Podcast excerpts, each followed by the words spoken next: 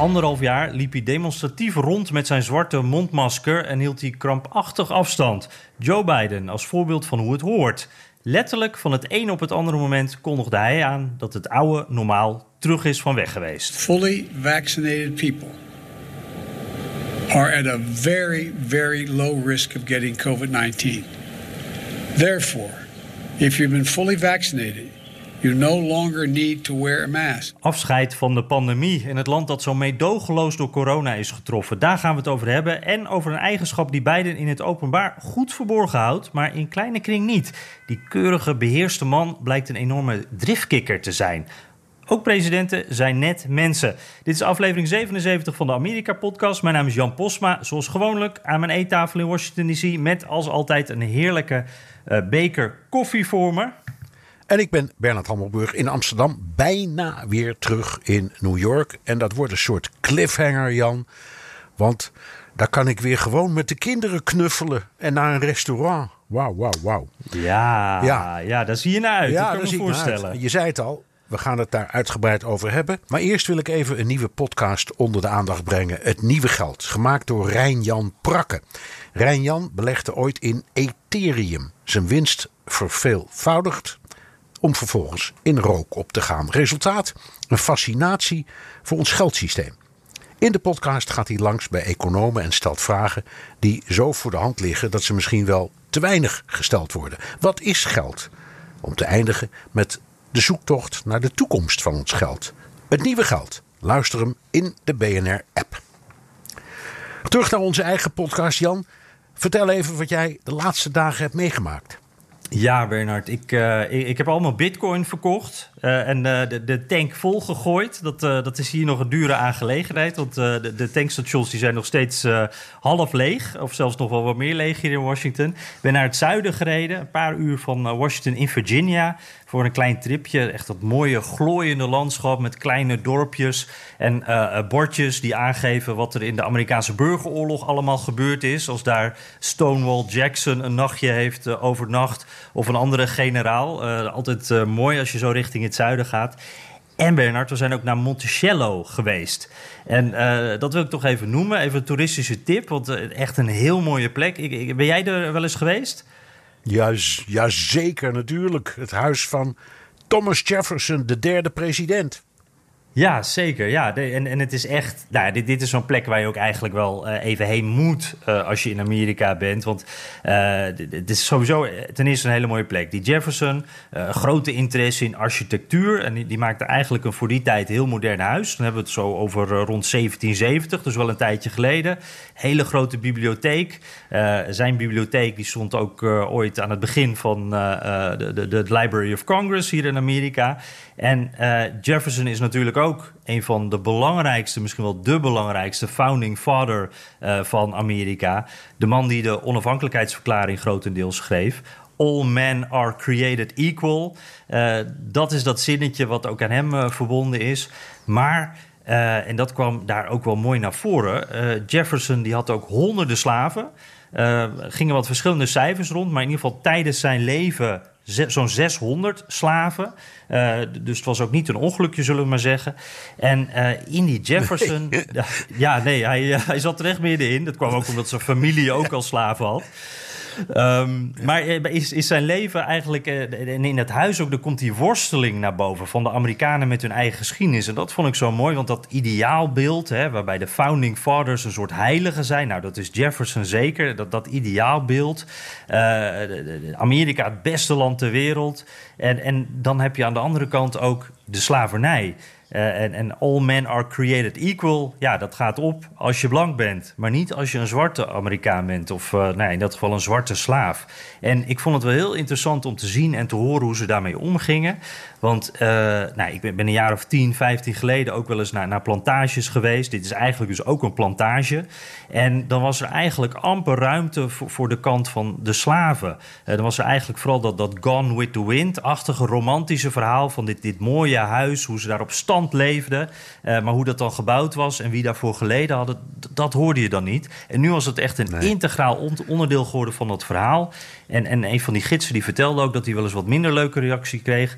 Maar dat het toch overwegend positief was. En echt op een hele slimme manier heel goed werd de context daarbij genoemd. Van dat die Jefferson, ja, daar zat dus een donkere kant aan. Maar hij is ook een product van zijn tijd. En nou ja, uh, even ter uh, inkleuring. Uh, Nederland kwam ook nog voorbij. Wij brachten natuurlijk ook een deel van die slaven daar. Dus ja, echt een, een, een, mooie, een mooie tour daar.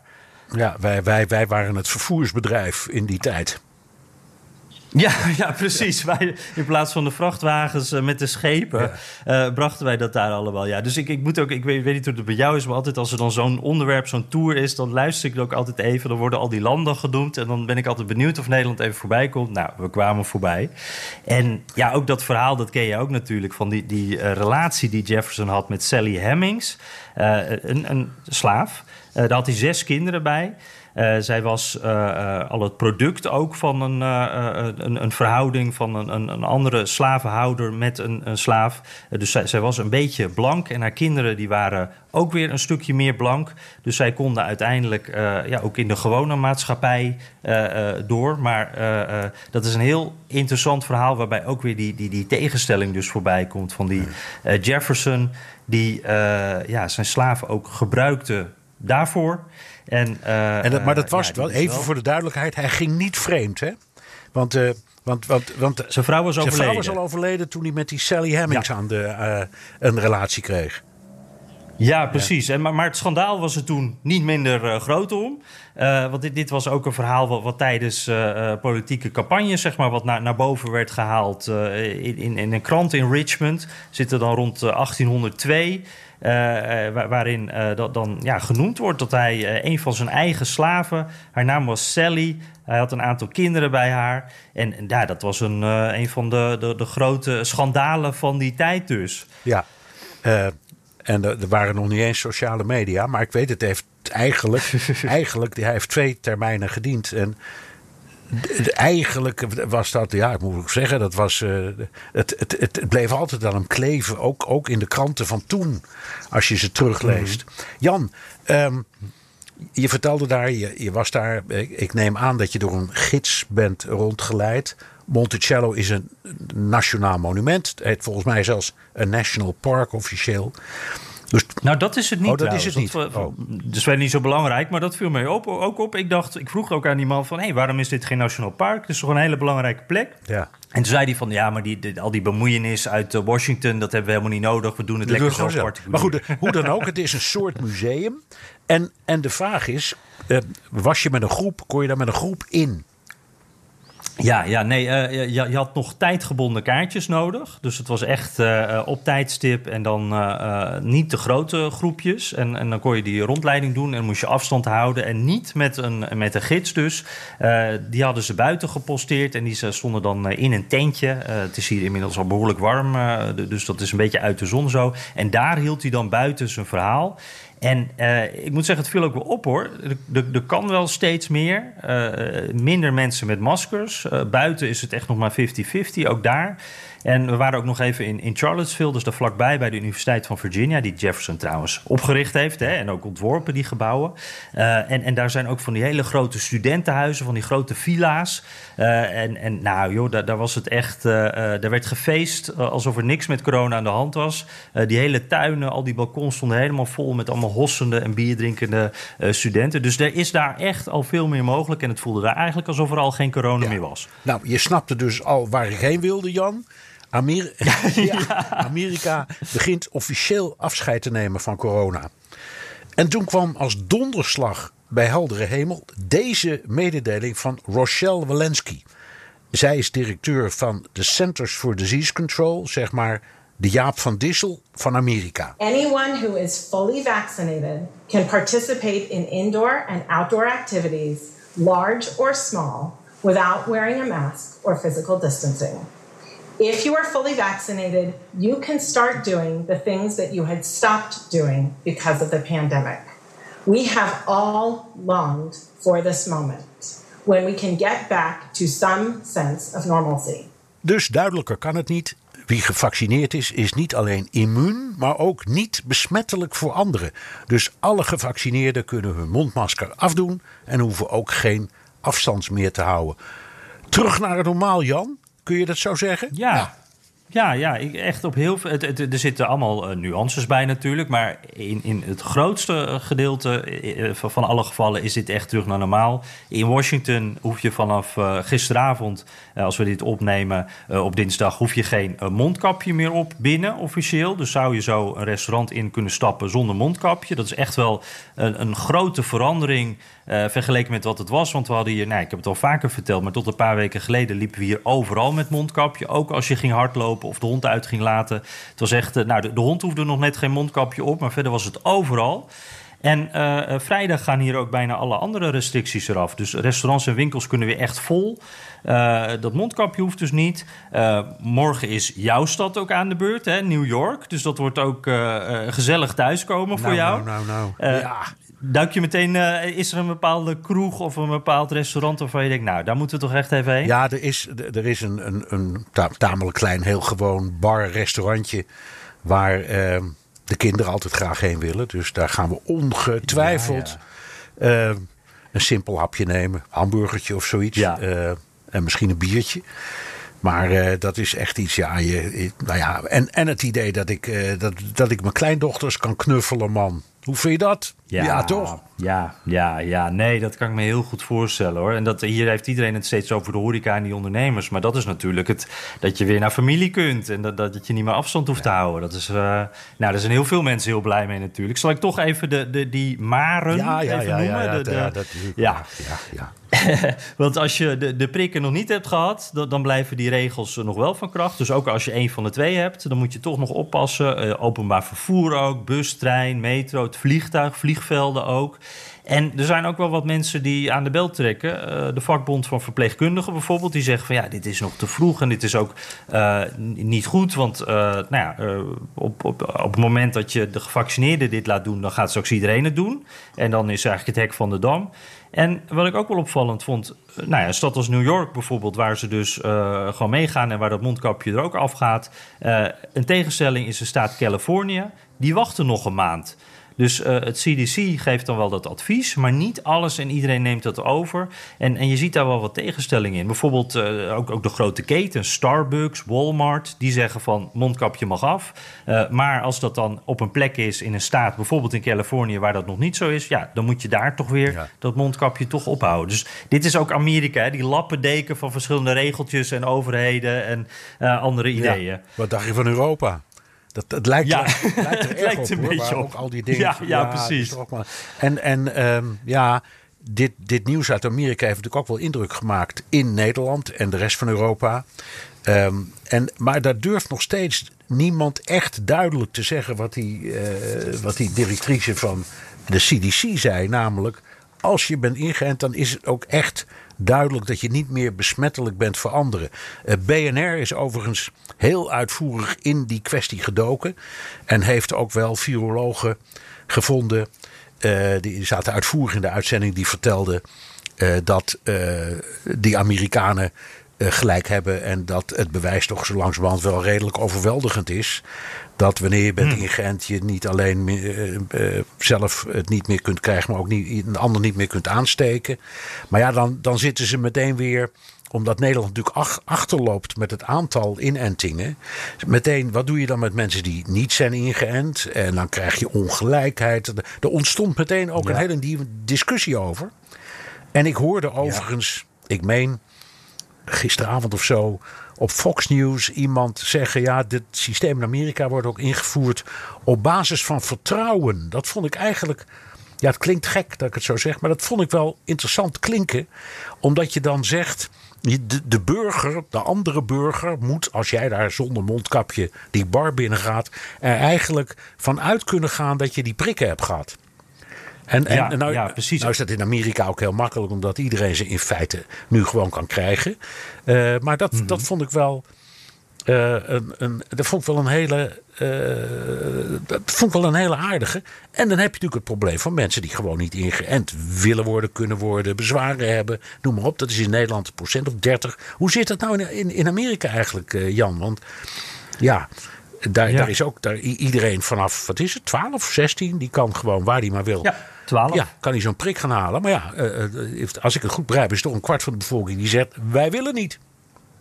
Nee, ja, dat, dat klopt inderdaad. Eh, Ik geloof dat nu. ehm, ik heb gisteravond voor het laatst gekeken. Toen was het 47% eh, van de Amerikanen heeft de eerste prik binnen.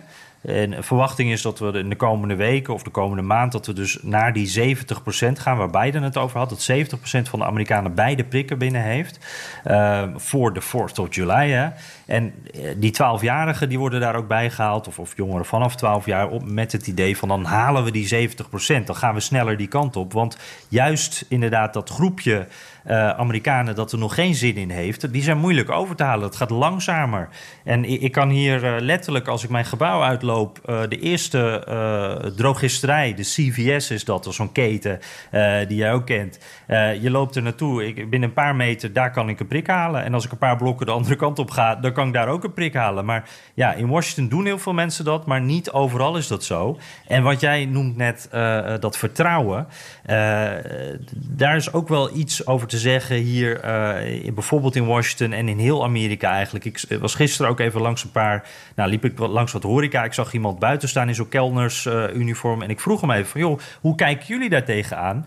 Toen was het nieuws nog heel vers en die, en die man die zei van, ja, hoe ga ik dit controleren of iemand gevaccineerd is? Het hele idee is, iedereen die gevaccineerd is mag dan naar binnen. Eh, we zijn allemaal veilig. Maar als daar mensen tussen zitten die eh, helemaal niet gevaccineerd zijn, moet ik dan als ober om hun ID-bewijs of om hun vaccinbewijs vragen? En eh, nou ja, eh, wat we hier ook hebben gehoord, ik weet niet hoe grootschalig dat is, maar er worden ook wel wat vaccinbewijzen nagemaakt door mensen die echt diehard niet gevaccineerd willen worden.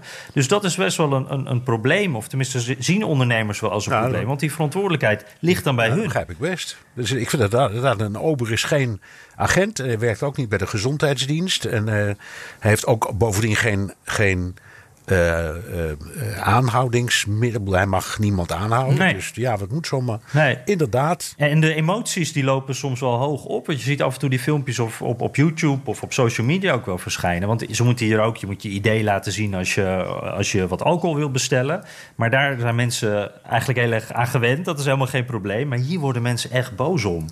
Dus dat. eh Hey Bernard, wat ik me nog afvroeg, hè, wat jij vertelde over, over Nederland. Ik krijg nu een beetje het, het beeld eigenlijk dat in Amerika zijn we wat verder met vaccineren. Dus dit was in Amerika al een, goed moment om dit nieuws naar buiten te brengen. Van die vaccinaties, hoe goed dat werkt. Eh, hier kon dat al praktisch gezien. Maar dat in Nederland dus het nog even niet zo praktisch is om dat te zeggen. Want eh, we zijn gewoon nog niet ver Nee. genoeg. Dus die wetenschap die was er al. Alleen Ja. eh, ze wachten nog op het moment dat handig is om het naar buiten te brengen. Dat ja, dat zie ik ook wel een beetje zo. Ehm, en eh, ja, Nederland zit, gewoon- is gewoon lang zo ver nog niet als de Verenigde Staten. Hoewel ehm, de, de overheid nu zegt, nu gaan we echt heel snel op dit moment.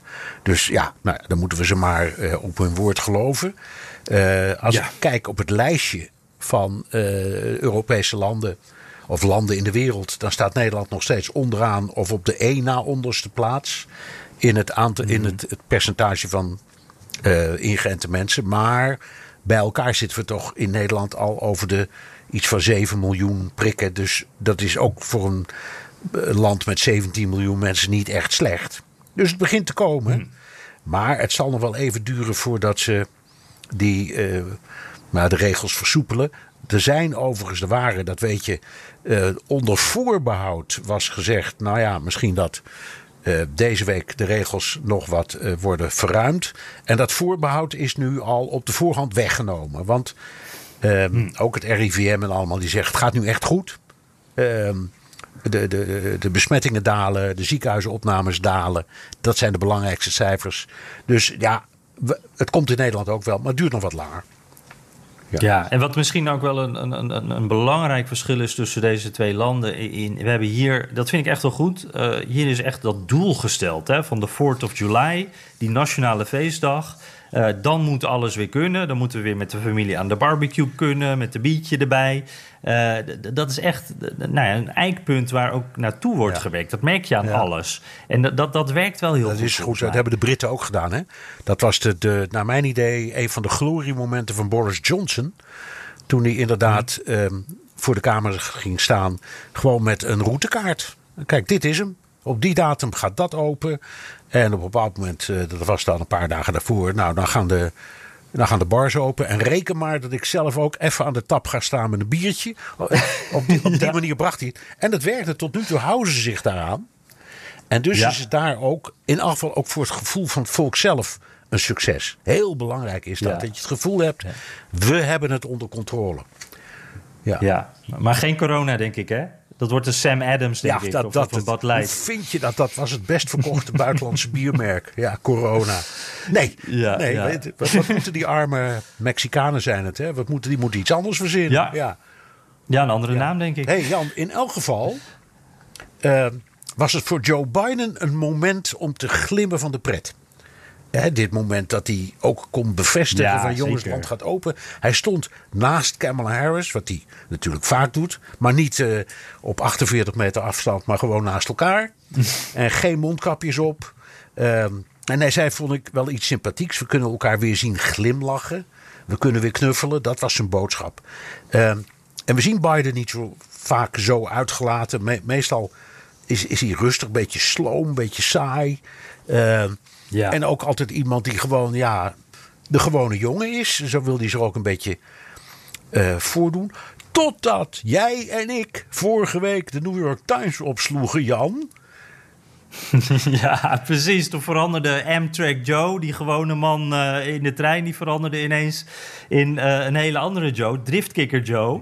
Um, ja, dat stuk, uh, de, de, titel was Achter Joe Bidens volkse manier van doen zit een kort lontje en een obsessie met details.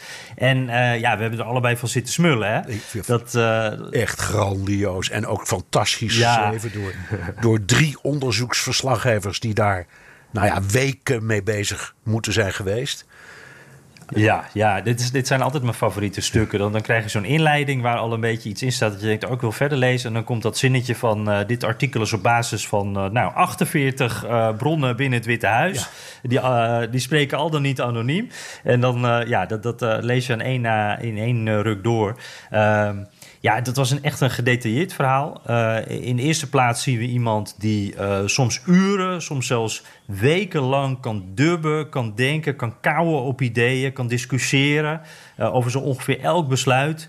er wordt daar een voorbeeld genoemd in dat stuk, bijvoorbeeld van een, een telefoongesprek met, met Poetin. Nou, Biden die heeft daar twee maanden zich op voorbereid.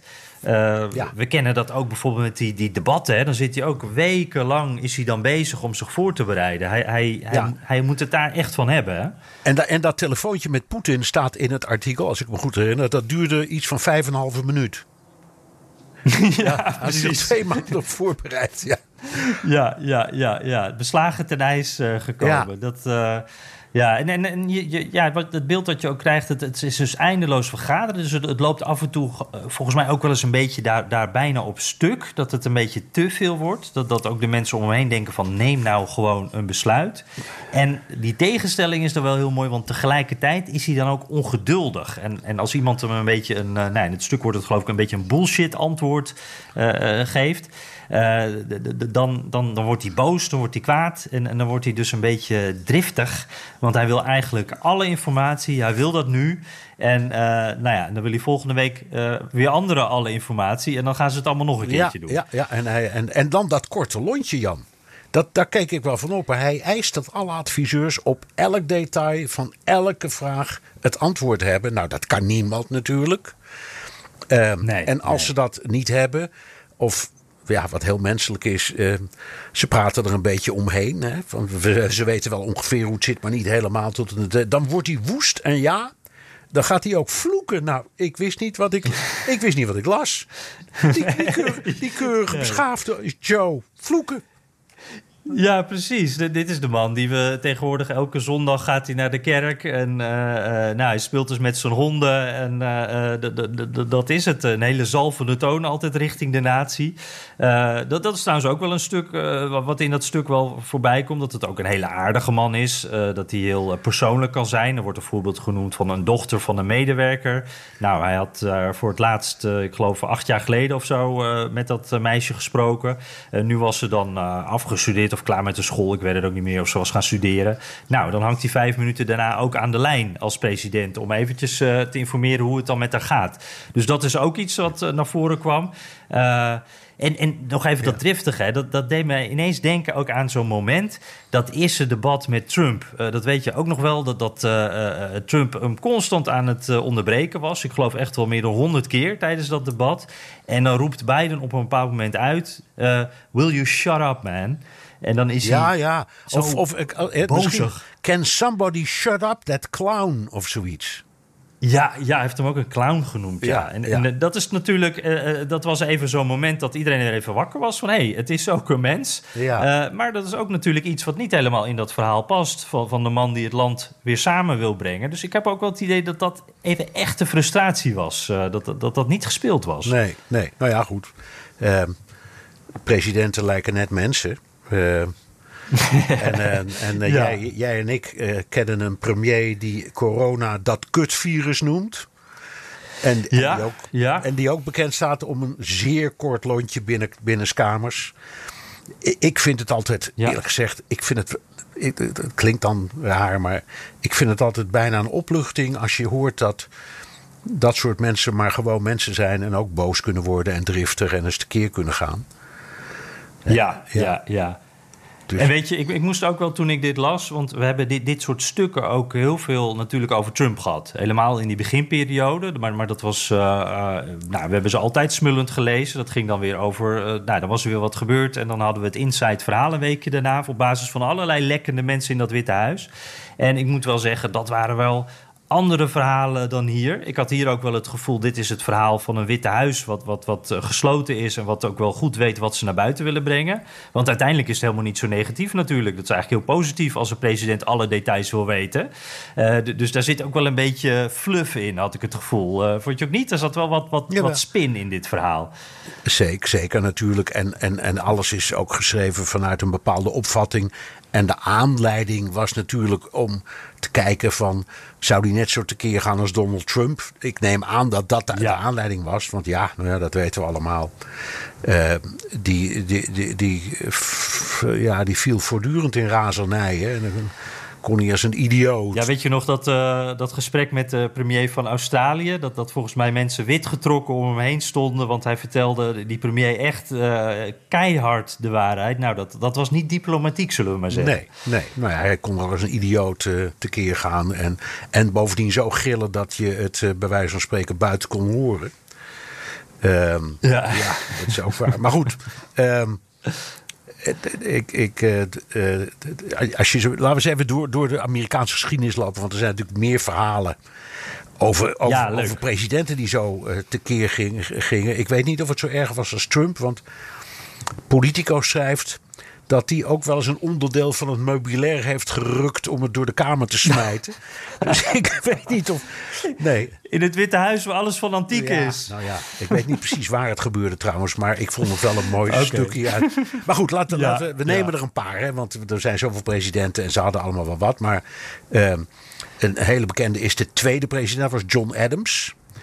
Um, en die kon zo verschrikkelijk tekeer gaan tegen mensen dat, dat die, die schofferen dat hij er niet meer tegen kon. Dus een minister van Defensie heeft hij zo hard uitgescholden dat hij ter, ter plekke ontslag uh, nam. En die uh, noemde, heeft ook later, heeft hij stukjes over geschreven, uh, John Adams een volstrekte idioot. nou, de zoon van John Adams, John Quincy Adams, die is ook president geworden. En die, nou, die had die eigenschap van zijn vader geërfd. Want die, ging ook als, die kon ook als een bezetene tekeer gaan. En dan, ja, er zijn er een heleboel, maar we hebben er maar een paar uitgehaald. Warren Harding, dat was de 29ste president. Die berucht was misschien ook wel de slechtste die Amerika ooit heeft gehad. Ja, die staat vaak bovenaan die ja, lijstjes. Want die was, die was door en door corrupt. Um, en die, de, de, daarvan is het verhaal bekend dat de directeur van het veteranenbureau bij hem in uh, de ovale kamer was. En dat hij die zowat heeft gewurgd. Letterlijk, hij stond met zijn handen om zijn keel. Want Die directeur die had 2 miljoen dollar achterover gedrukt. Dat was trouwens toen een hoop geld hoor.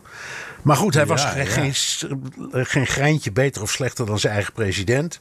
En toen kwam er iemand binnen en daardoor is het gelukkig die moord, want dat zou het geworden zijn, niet doorgegaan. Nou, en dan is hij ook be- beroemd om eh, een minnares die hij had. Ehm, en eh, waarmee hij zich in dezelfde kast in de ovale kamer verborg als later Clinton met Lewinsky.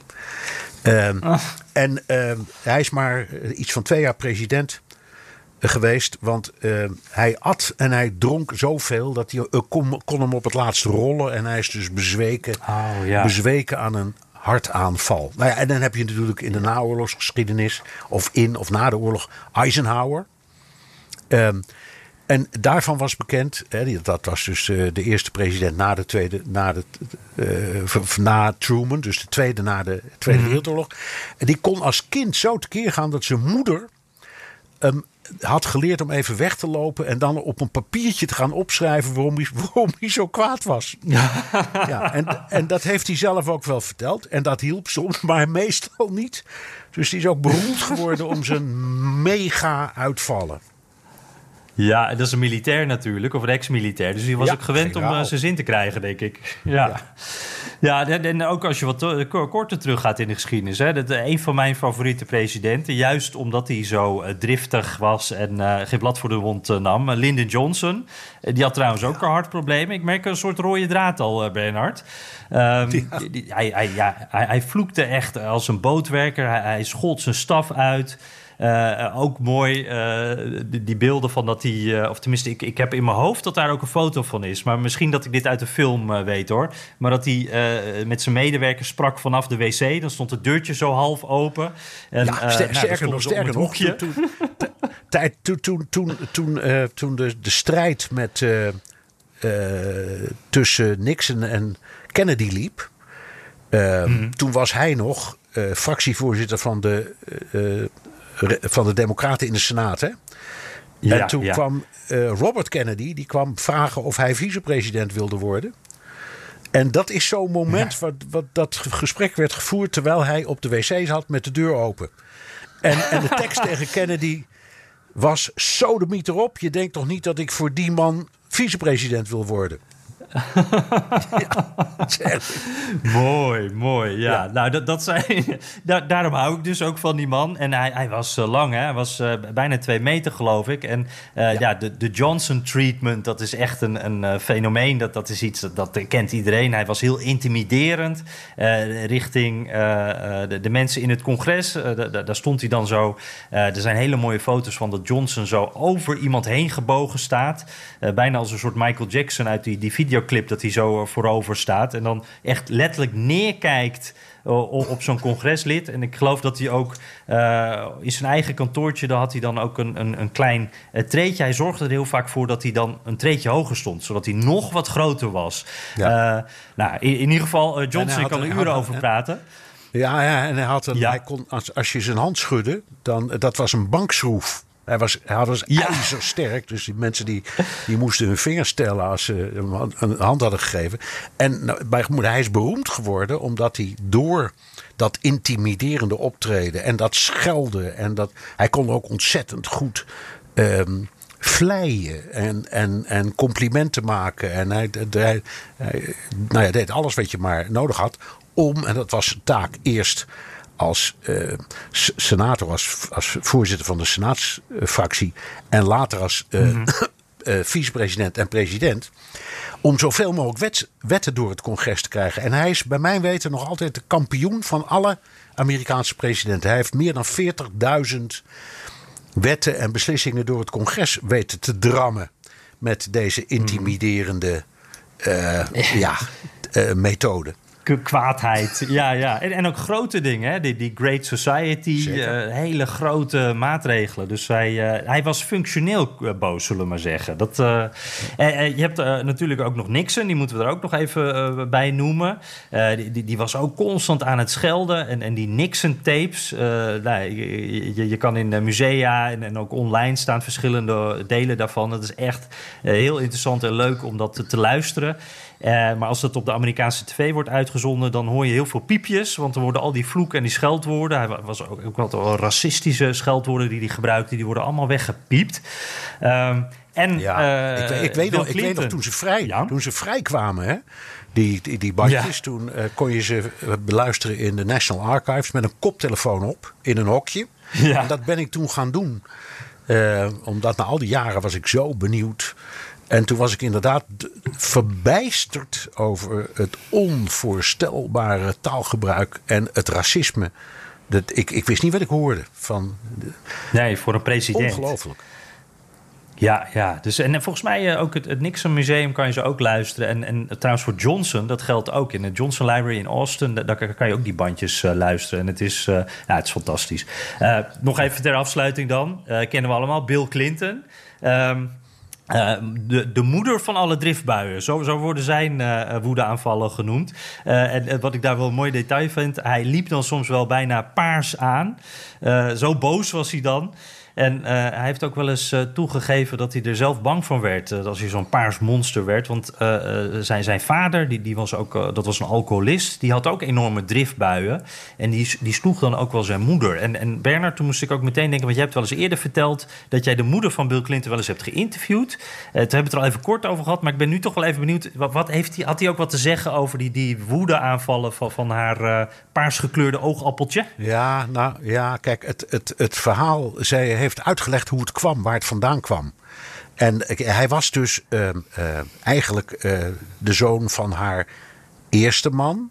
En daar is ze heel snel van mhm. gescheiden. En toen is ze hertrouwd met meneer Clinton. En die heeft Bill geëcht. en die, had, die, die, was alcoholist. En die, op het moment dat hij dronken werd, dan begon hij inderdaad zijn moeder af te ranselen.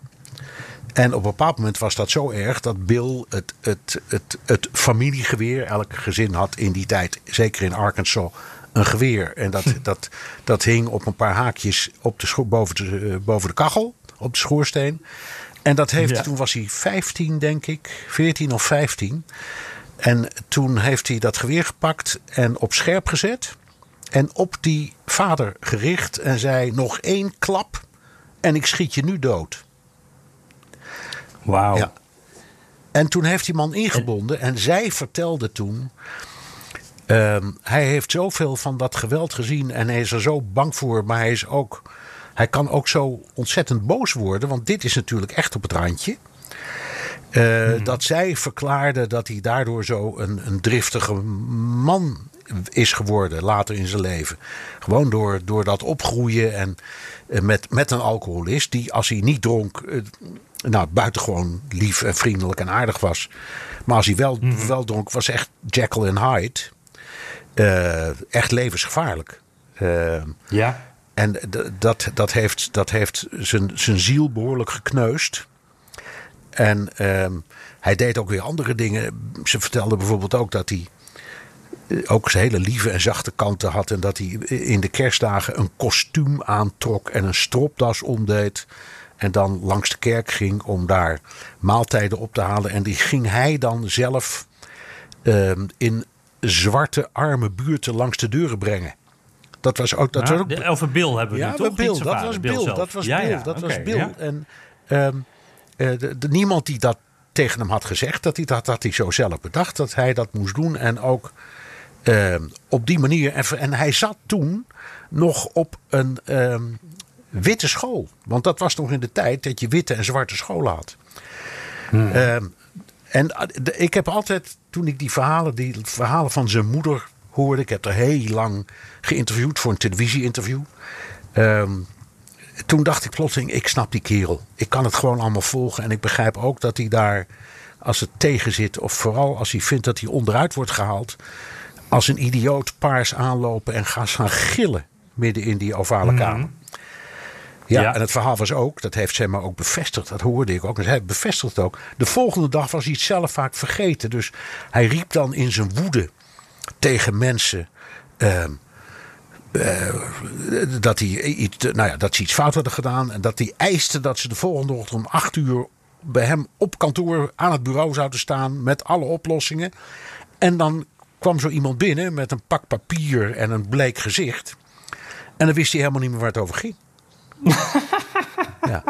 dat, dat is misschien nog wel veel erger dan wanneer hij het nog wel had geweten. Ja, maar dat zijn allemaal. Dus ik, ja, nou goed. Je weet, er is veel geschreven en gezegd over Bill Clinton. En, en ik, het, is niet, het is geen waardeoordeel, maar het is ontzettend leuk als je van een tijdgenoot op die positie wat meer begrijpt. Gewoon ook van in zijn ziel kunt kijken. Nou, dat heb ik een beetje kunnen doen. Ja, goed verhaal hoor. Dat uh, heel interessant. Ja. Maar uh, een beetje Bernard, als we, we hebben nu zo'n heel rijtje gehad. Uh, waarbij er dus echt heel wat presidenten nogal driftig zijn. Je moet denk ik ook wel een groot ego hebben als je dit vak ambieert. Dus dat heeft er misschien ook wat mee te maken. Ook ja, woede is vaak een uiting van frustratie. Dus dat, dat zal er ook mee te maken hebben. Maar uh, als jij dan uh, de jonge Bill Clinton noemt met dat geweer in zijn hand, dan denk ik van ja, is, is dat niet ook eigenlijk gewoon heel gevaarlijk als president? Uh, een driftige president, dat moeten we toch eigenlijk allemaal niet willen? Nee, maar ja, als die, als die driften nou ja, goed worden, worden begeleid door een goede staf en zo, dan, dan, dan, dan kan dat ook goed lopen. En hij was, vergeet niet, toen hij president werd, was hij al gouverneur van Arkansas geweest. Um, mm-hmm. En daarvoor was hij trouwens um, docent geweest, hè, hoogleraar in het recht. Um, en die, de studenten die droegen hem op handen. En ook toen was hij al heel erg driftig. Dus klaarblijkelijk, het hangt er een beetje vanaf hoe je bent. Uh, en en ja. voordat we een verkeerd beeld uh, schetsen, niet alle presidenten waren zo hoor. er waren ook hele rustige, allebei de Bushes waren uh, hele rustige, vriendelijke mensen die misschien wel boos konden worden, maar er niet aan zouden denken om in de ovale kamer te gaan staan vloeken. Hmm. Uh, en zo waren er wel meer. Dus Reagan kon ook wel boos worden, maar dit, die, die was dan weer zo aardig dat niemand het hem kwalijk nam. Dus het, ze waren niet allemaal zo, laten we het zo zeggen. Ja, en, en ik uh, moet ook denken aan uh, wat ik ergens dus gelezen heb. Uh, de, de, goede president die, die laat de woede achter zich als het spannend wordt. Dus als de crisis echt wordt, dan gaat de woede de deur uit en dan komt de focus. Ja, mooi. Zoals bij een FDR of ja, zo. Mooie uitspraak trouwens. En, ja, ik, ik wou dat ik hem verzonnen ja, had, maar ja, nee. Ja, ik schrijf hem bij deze aan jou toe. ja, en, precies. En wat, en wat, ik ook aan je toe ga schrijven, Jan, zijn de luisteraarsvragen. Vertel, wat, ah, wat, wat hebben we allemaal? Ja, we hebben weer een stapel. Uh, Karsten Mostert. Uh, die luistert altijd tijdens het hardlopen. Uh, op een fijne manier bijgepraat, zegt hij. En hij zegt af en toe is het lastig kiezen wat ik ga luisteren. Want hij luistert naar ons. Hij luistert naar BNR De Wereld. Nou, dat programma kennen wij ook. Ja. The Daily van de New York Times. Mooi rijtje ook zo. zo. En hij heeft soms ook, ja toch. En soms heeft hij ook een muziekje opstaan. Nou, dat vergeven we je dan wel. hij zegt, daardoor word ik wel gedwongen om een keer of vier per week te gaan rennen. Om bij te blijven. Blijft er fit bij. Um, ja, en hij, wil, hij heeft dan nog een vraag over Trump. Hij zegt er was vorig jaar regelmatig wat te doen over Trumps financiële positie, over die enorme leningen die de komende jaren zouden moeten worden afgelost van de, de, de Trump uh, Company, uh, verlieslatende projecten en ondernemingen. Kunnen jullie iets vertellen over hoe hij er op dit uh, moment voor staat? Is dit nou met de sisser afgelopen of staat er nog wel wat te gebeuren?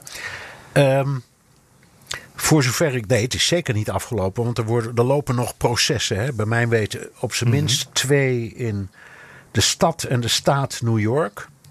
Uh, en dat zijn fiscale kwesties. Dus dat ging over um, bijvoorbeeld een, een proces waarbij hij, als hij geld nodig had, um, de, de uh, schattingen liet maken van zijn bezittingen. En die waren dan heel hoog.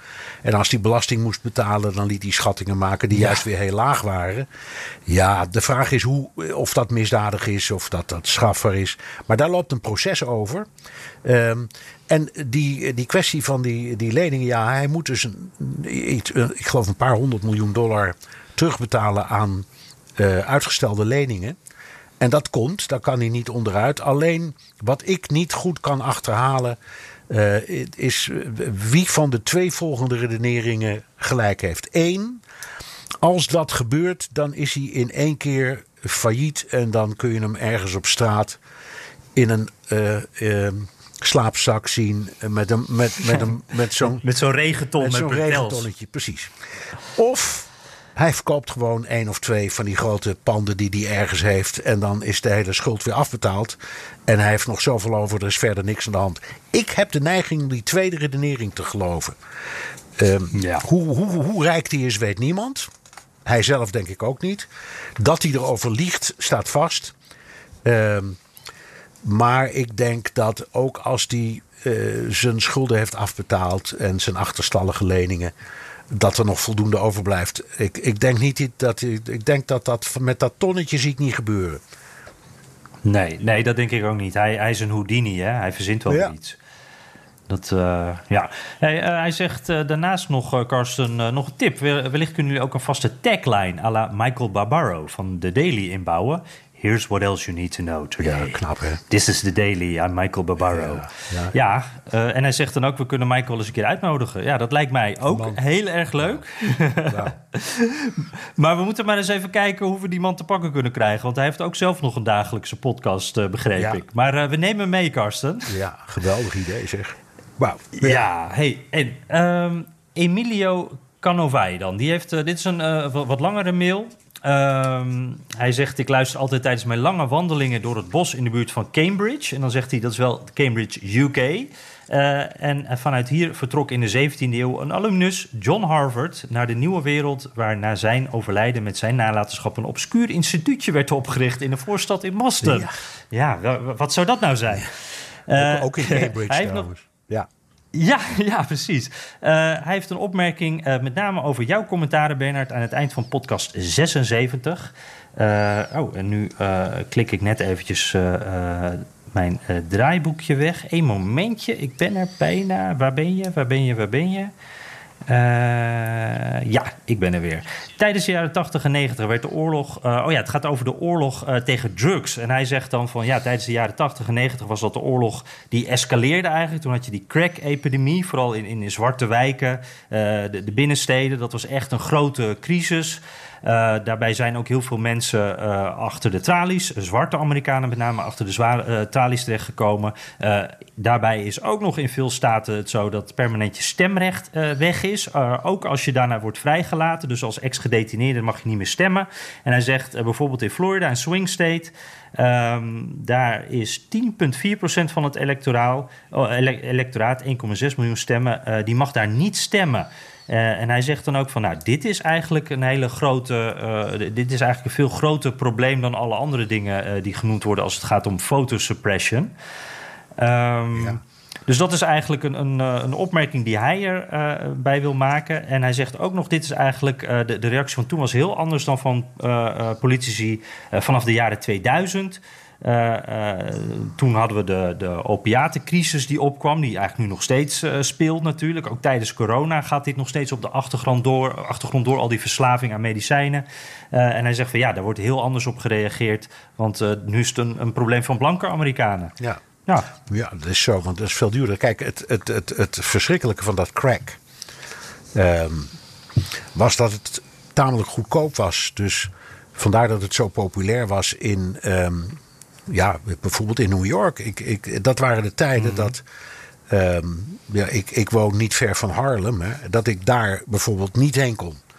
De, de, de, de, de, de, de, de, de onderste 20 blokken op de kaart, zeg maar van 100 tot 120. Dat is voor, dat is voor een groot deel Spanish Harlem, wordt het, werd het toen genoemd, wordt het nog steeds wel genoemd. Ja, dat, dat was levensgevaarlijk.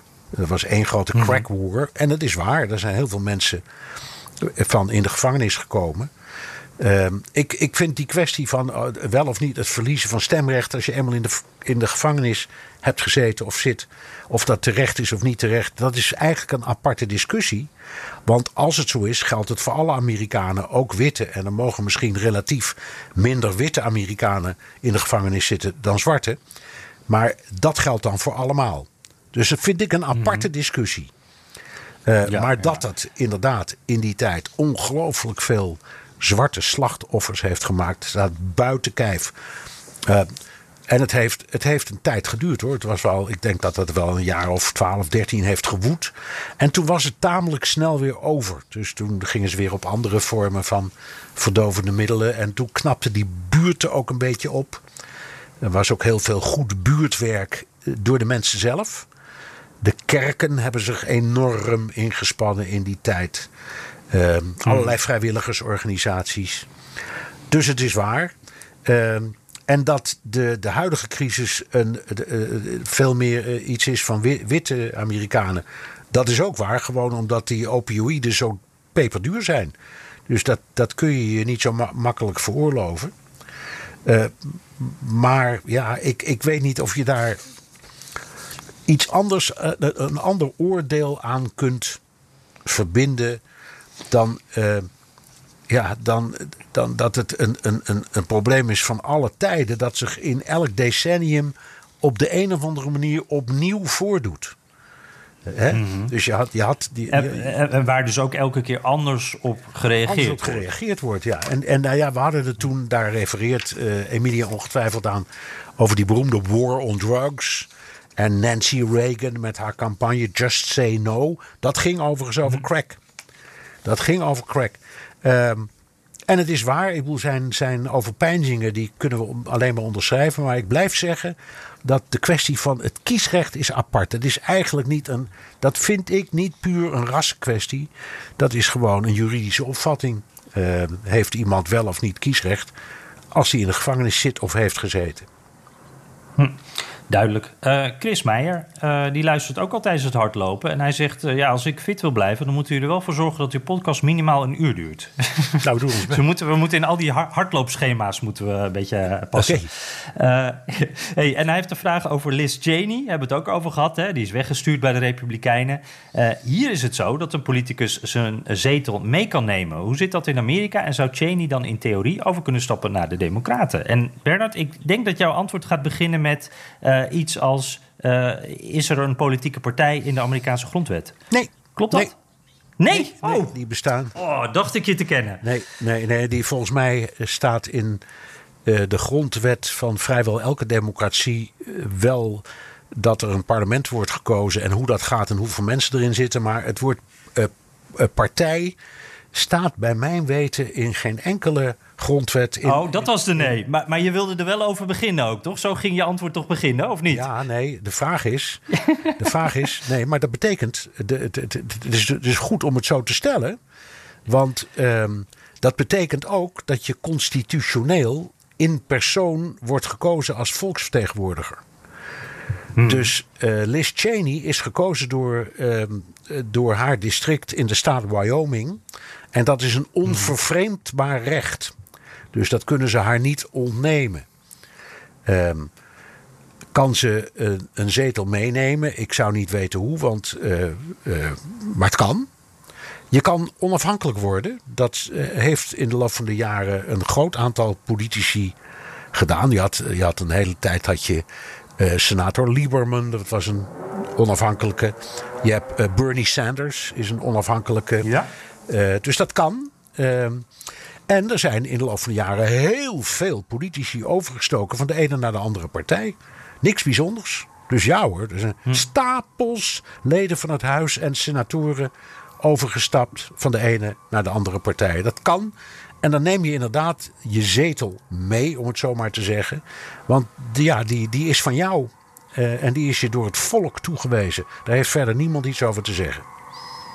Ik uh, moet er wel bij zeggen, uh, dat zou je ook onder, onderschrijven. Uh, in het geval van Cheney is het wel meer dan een stap. Hè? Dat zou een enorme sprong zijn. Het is echt een theoretische vraag voor, voor een conservatief iemand als Cheney. Ja, het, is ook, het is naar mijn idee ondenkbaar, want ze is er wel een. Dat zegt ze ook, en ik geloof er ook. Ze is een uitgesproken republikein en ze is ook behoorlijk conservatief. Ja. Het, en, het enige punt is dat zij zegt: Ik doe niet mee aan de leugens van Trump. Hè? Dat is haar stelling. En, ik, die, en die flauwekul van het ontkennen van uh, zijn verkiezingsnederlaag. Ik laat me niet strikken. En ze was voor impeachment. En daar ging het om. Maar voor de rest inhoudelijk.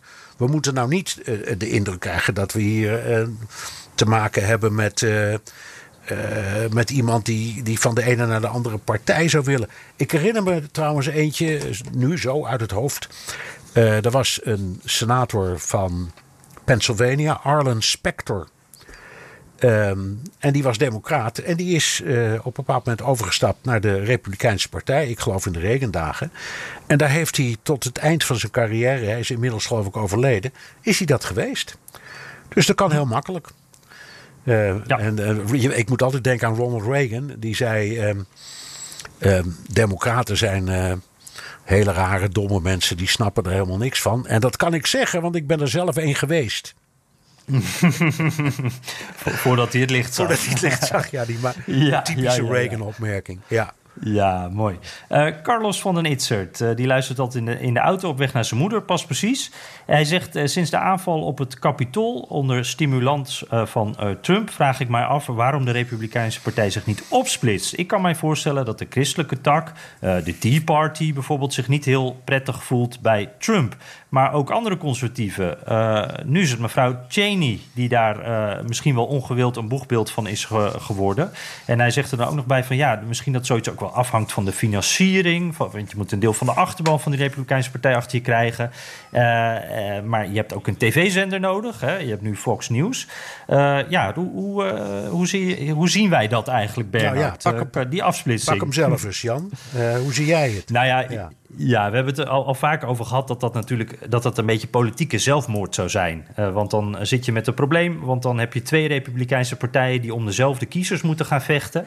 Eh, nou, dat hebben we eerder al eens gezegd. En wat denk ik daar toch ook wel heel belangrijk is, we hebben net Cheney al genoemd, die dan misschien, eh, of zeker anti-Trump is, maar zeker niet anti-Republikeins. Dat is echt een conservatief. En zo zijn er denk ik heel veel mensen binnen die Republikeinse partij die, die, die zich nog echt wel thuis voelen in die partij. En daarbij is Trump denk ik op dit moment nog steeds het beste alternatief eh, voor die mensen. Eh, en misschien ook wel som, voor sommigen het minst slechte alternatief. En dat komt ook omdat zij allemaal, al die congresleden, die kijken ook naar hun kiezers. Wat willen die kiezers? En eh, dat volgen ze. En ik denk als die Republikeinse kiezers eh, niet meer Trump zouden willen in grote getalen, nou dan zouden die congresleden een stuk makkelijker volgen. Dus ik denk, dit is ook een beetje de Republikeinse partij ja, op dit ja moment. dit, dit, dit is het. En het is inderdaad wel een beetje een strijd, een richtingenstrijd. Ehm, ehm, en die zullen ze zelf uit moeten knokken. En ik denk ehm, dat ze ook er belang bij hebben om dat ergens in de komende maanden of het komende jaar uit te vechten. Want we gaan nieuwe verkiezingen in. En het is verstandig als die partij met één gezicht naar buiten komt. En als dat helemaal Trumpistisch wordt, nou oké, dat kan. En als ze van, Trump, van het Trump-beeld af willen, dan moeten ze dat doen. Want anders dan snijden ze zichzelf in de vingers. Ja, ja want dan, eh, dan, dan verliezen ze sowieso. Eh, hey, en in het verlengde hiervan, dit vond ik wel een hele mooie eh, vraag waar ik eigenlijk nog nooit zo over na had gedacht. Een beetje, ja, een beetje in dezelfde categorie. Gerard Hollandezen die zegt: als een republikeinse afsplitsing komt en bij de verkiezingen hebben elk van deze twee partijen minder dan de Democraten, maar als ze samenwerken meer dan de helft, kunnen ze dan een alliantie vormen en de winst opeisen? Dus een soort coalitie. Nou, dat, Wat, wat denk jij? nou dan ga, ga ik weer even terug naar de grondwet. Die kent wel verkiezingen en kandidaten. maar. En die schrijft ook voor wie wint. Namelijk degene die de meeste kiesmannen op zijn naam krijgt. Eh, maar hoe, dat laat, dat laat, eh, dat, dat laat ze aan over. Dus dan moet je je voorstellen. Het is wel eens gebeurd hè. Dat er drie kandidaten waren. Dat is ook in, in, in, on- in onze tijd gebeurd. Eh, De Green Party. ja, nou, Clinton eh, heeft eh, van Bush gewonnen. omdat Ross Perot meedeed als derde. En die, die frat stemmen weg bij Bush. En daardoor kon Clinton winnen. En je had in de tijd van Jimmy Carter had je een, een, een derde kandidaat. Het is vaker voorgekomen. En je hebt inderdaad ook wel eens die Green Party kandidaten. Dus hoe ze zich noemen, noemen ze zich. En als ze zeggen, je hebt de echte democraten en de schijndemocraten... of de echte republikeinen en de eh, schijnrepublikeinen... of de New Republicans en die Old Republicans, maakt niet uit... Ze moeten met kandidaten komen en er moet er één zijn die de absolute meerderheid heeft in het kiescollege. En die wordt de nieuwe president. En het doet er niet toe wat voor kleur die heeft. Dus we komen eigenlijk weer op datzelfde zinnetje terug. Eh, politieke partij bestaat Nee. niet in de constitutie. Ja. Duidelijk. Ehm, ja, dit is een, eh, eh, een hele mooie. Ehm daar hebben we even wat uitleg bij nodig. Dus ik zou zeggen, neem een slokje Ja, koffie. ik. Daar ook ga even- zeer aan toe, Jan. ja. Daarom, hang even achterover. Dan vertel ik even wat Joek Hartog Heijs en Lennart Menger ons allemaal stuurden. Ehm, Zij uh, geven ons vijf sterren trouwens, dus uh, fantastisch, dankjewel uh, heren. Zoals meerdere luisteraars zijn ook wij ondertussen erg benieuwd naar de klaarblijkelijk fantastische koffie die Jan elke week weer in zijn mok heeft. Ja, ik kan je vertellen dat dat een iets te dure koffie is die ook in Europa te krijgen is. Die ik via Amazon laat bezorgen, niet uit Europa trouwens hoor. het is heerlijk, want die Amerikaanse koffie, dat, nee, daar ga ik toch nooit aan wennen denk ik. Maar ze hebben ook een hele serieuze vraag. Um, geopolitiek denker Kishore Mahbubani, dat is een van mijn favoriete namen, uh, schrijft in zijn boek: Heeft China al gewonnen? Vernietigend over de huidige staat van de Amerikaanse overheid. Zo heeft hij het over een rigide en inefficiënte overheid die niet in staat zou zijn zichzelf aan te passen aan, de toekomstige geo aan het toekomstige geopolitieke landschap. Deze analyse rijmt met het feit dat de Democraten en Republikeinen er werkelijk alles aan doen om elkaar te dwarsbomen.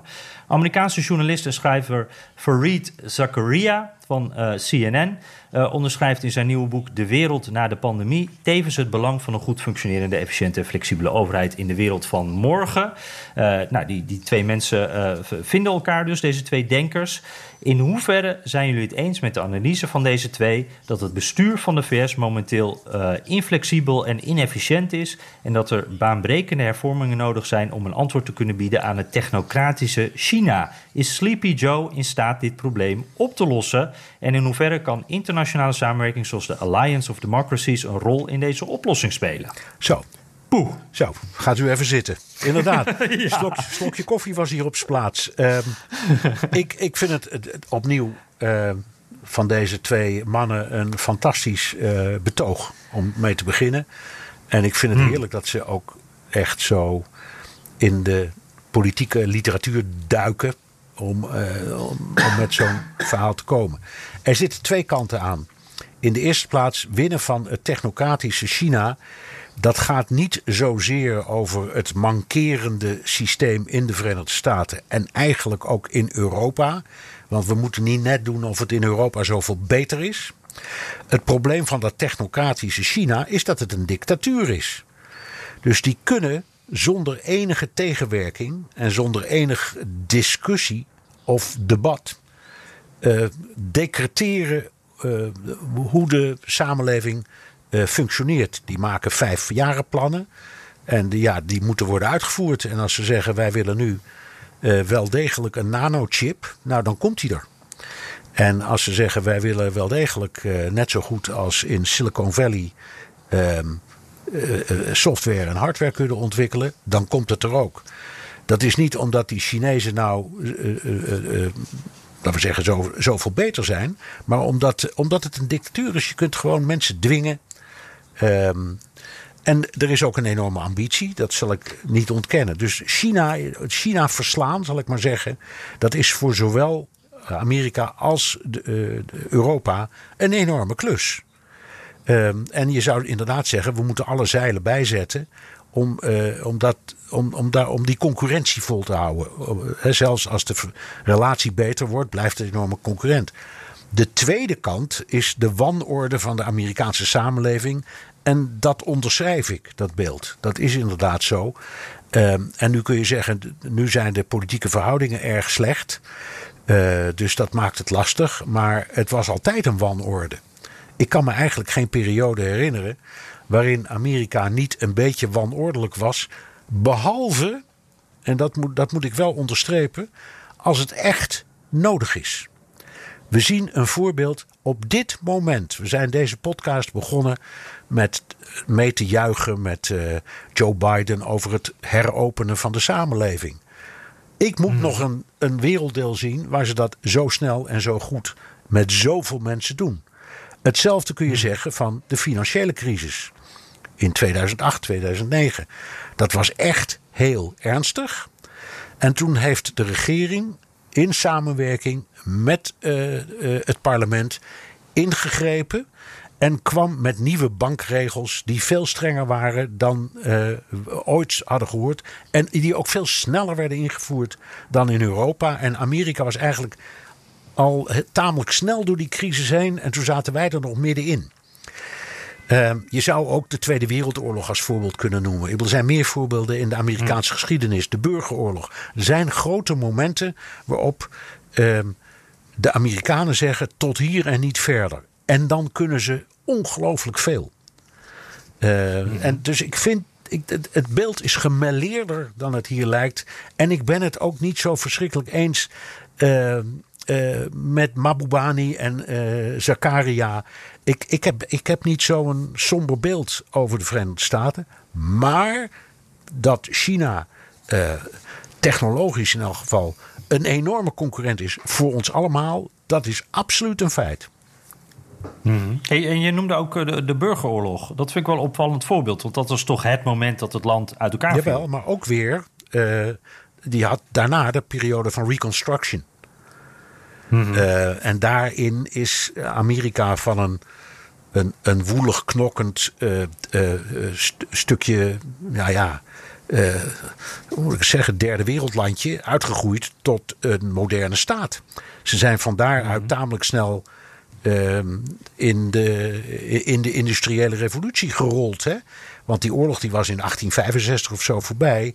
En in 1880, 1885 begon die industriële revolutie. En toen nam Amerika een sprint van een enorme omvang. Industrieel, mm productioneel. Uh, denk aan Henry Ford, de uitvinding van de lopende band. Alle mogelijke dingen, die, dat moet je niet vergeten. Ze kunnen een hoop, maar ze moeten wel willen en ze moeten de noodzaak zien. Ja, precies. precies. Uh, er is een uh, never waste a good crisis. Ja. Uh, hey, om hem, oh ja, en, en, ze zeiden ook nog deze twee mannen trouwens, om het toch even noemen. Tijdens de laatste lockdown luisteren we steeds vaker jullie podcast tijdens het sporten in de woonkamer. Ik had een heel ander beeld met al dat citeren van, van grote denkers en zo. dit zorgt vaak voor verhitte discussies die meer energie kosten dan het sporten zelf. Mooi.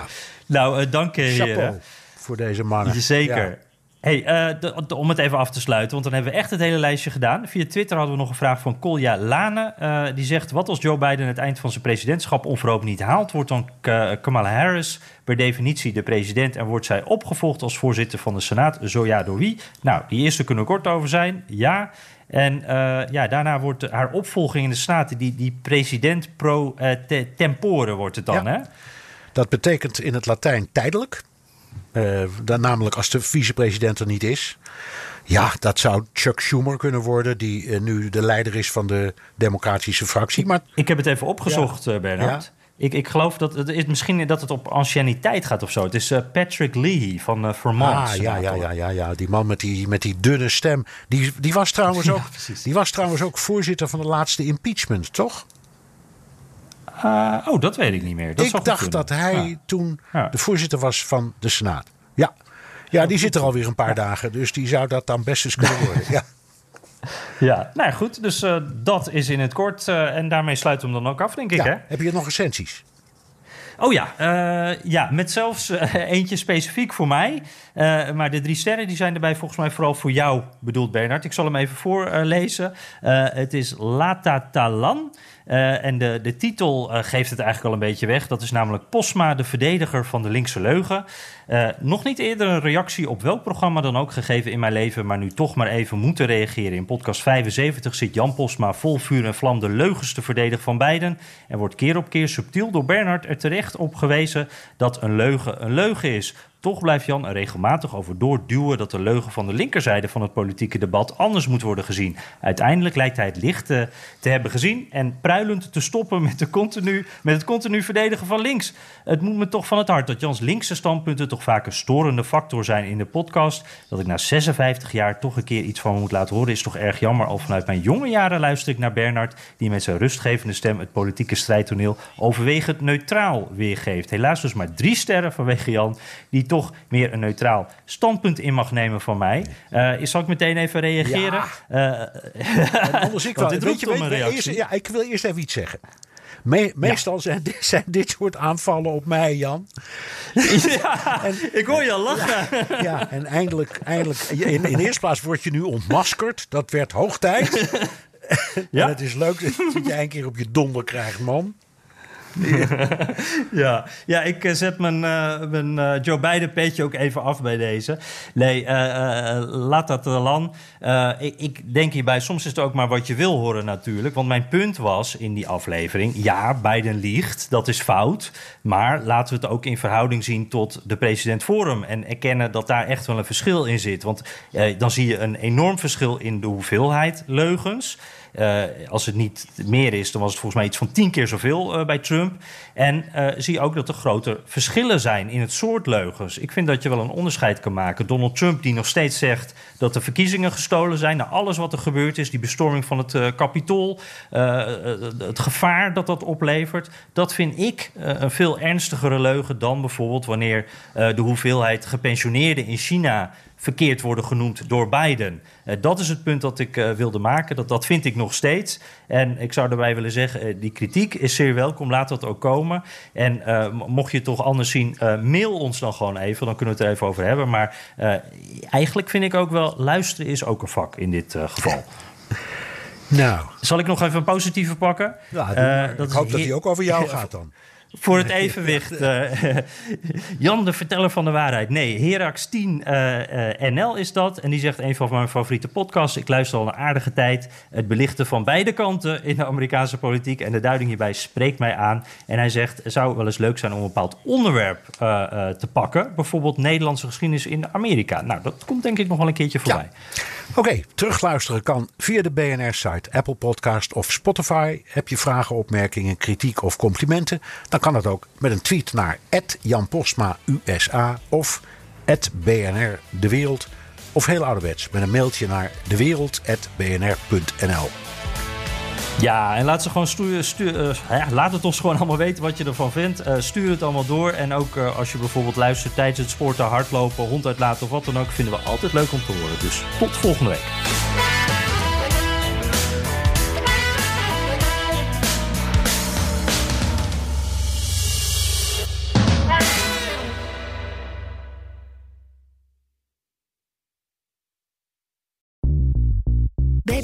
BNR ben je altijd als eerste op de hoogte van het laatste nieuws. Luister dagelijks live via internet. Jelle Maasbach. Wesley Weert. We zijn er voor je met het leukste, opvallendste, maar natuurlijk ook het belangrijkste nieuws. Tijdens de presentatie van die halfjaarcijfers toen die beurskoers in elkaar kukkelde. BNR Beurs. Voor de slimme belegger. Blijf scherp en mis niets.